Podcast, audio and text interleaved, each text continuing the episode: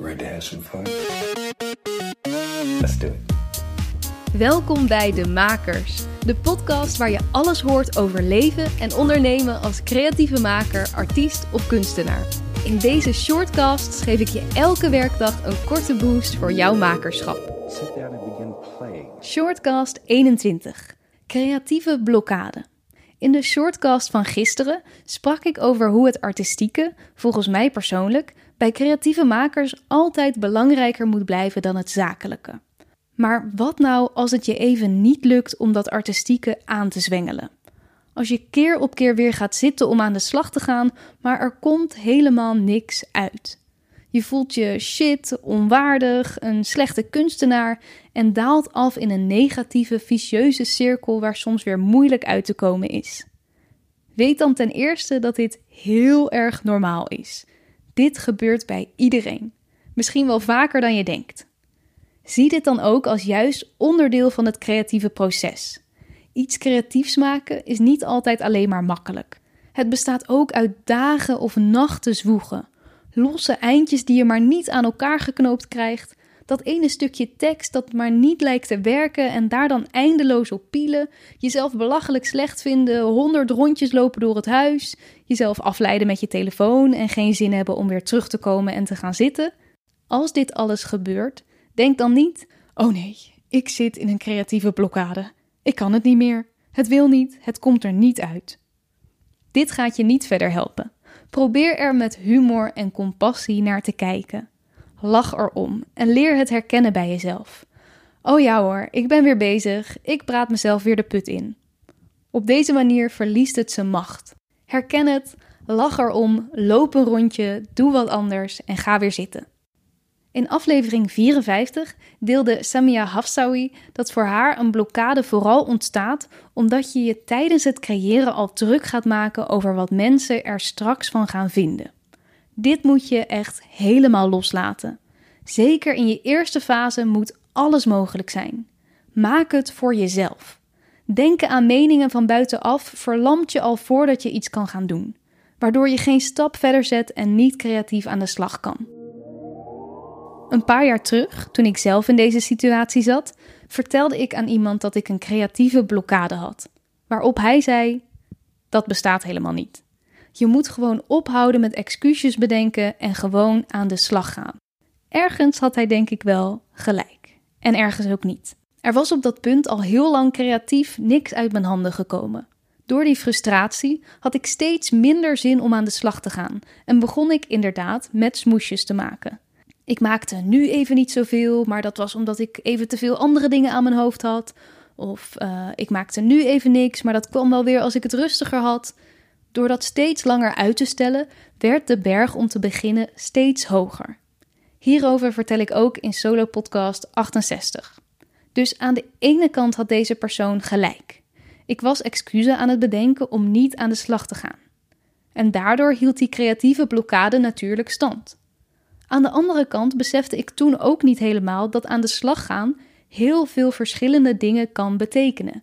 Aan de slag gaan kan ook zijn een boek lezen, een rondje lopen, naar een voorstelling gaan kijken en daar lang over napraten, een tekening maken, een andere discipline uitproberen, een vreemde aanspreken op straat, of eens helemaal duiken in een onderwerp dat totaal niks te maken lijkt te hebben met wat ik doe. Ik luisterde laatst een podcast, ik zal hem in de show notes zetten, over het leven van Walt Disney. Een super vooruitstrevende maker die als eerste muziek combineerde met animatie op een legendarische manier.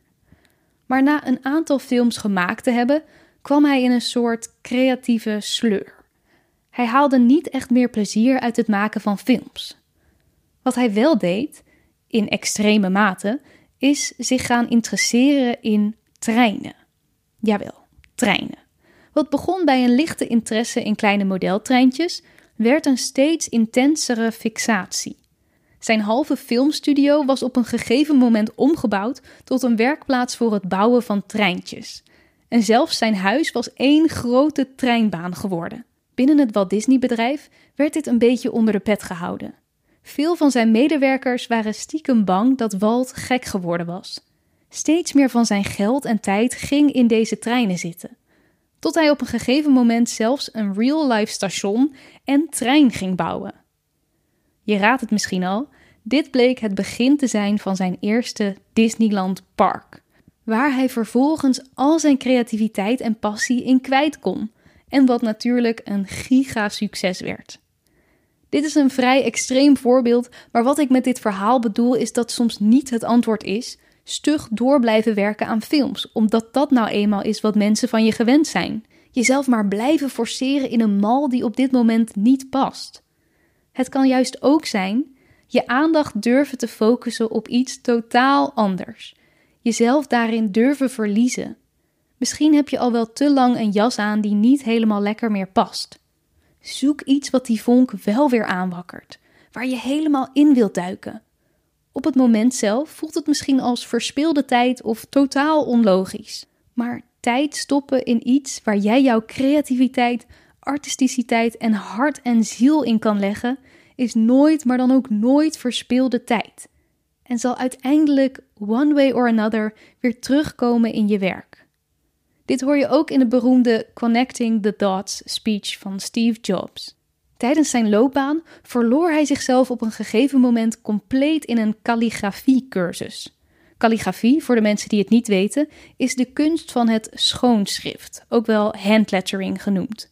Bijzondere, mooie lettertypes leren maken. Op het moment was het nog totaal onduidelijk hoe dit hem verder ging helpen. Maar later werd dit een groot onderdeel van de basis van waarom het design van alle Apple-producten zo belangrijk is geworden. Voor grote Steve Jobs-fans vertel ik dit verhaal misschien veel te kort door de bocht, maar dit heb ik ervan onthouden. Durf eens iets anders of zelfs geks te proberen.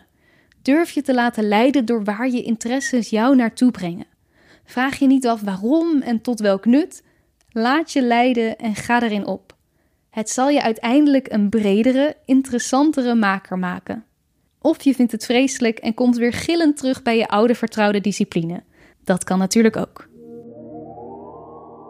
Als je graag uitgebreid wil duiken in de innerlijke processen die ten grondslag liggen aan een makersblokkade, check dan even Solo Podcast 68. Hierin behandel ik het boek The Artist's Way en loods ik je via persoonlijke opdrachten door het makersblokproces heen. Of wil je juist nog meer tips om nieuwe inspiratie op te doen? Check dan Solo Podcast 75. Het laatste wat ik er graag nog even over wil zeggen is dit. Er zijn ook mensen voor wie creativiteit en makerschap altijd een walk in the park is. Die starten en niet meer kunnen stoppen. Ik dacht vroeger altijd dat dit de echte kunstenaars waren. Of echte makers. De mensen die niet anders kunnen dan maken. Wat ik over de jaren heb geleerd is dat dit maar een ini mini pini klein onderdeel van de mensen is. Kunstenaar of artiest zijn betekent niet dat je alleen maar overloopt van inspiratie. Vroeger dacht ik vaak: ben ik wel een maker? Ben ik wel creatief genoeg? Moet ik dan niet dit of dat? Nee. Maker zijn of artiest zijn is ook simpelweg een keuze. Een bewuste keuze om het leven te zien als een kunstwerk, om inspiratie te zien in alledaagse dingen en om dat om te zetten in iets creatiefs. Ik geloof dat, net als mensen, makers er in alle vormen en maten zijn en dat elk mens creatief en artistiek kan zijn. Als jij jezelf ertoe openzet, als je de tijd erin investeert om steeds beter te worden. Dus, bij een creatieve blokkade, ga niet trekken aan een dood paard. Verbreed je horizon en probeer eens iets anders. Ik ben heel benieuwd wat je kiest. Veel maakplezier en tot de volgende aflevering. Vond je dit een interessante of leuke aflevering? Heb je er iets aan gehad? Volg of abonneer je dan op de makers in de podcast-apps.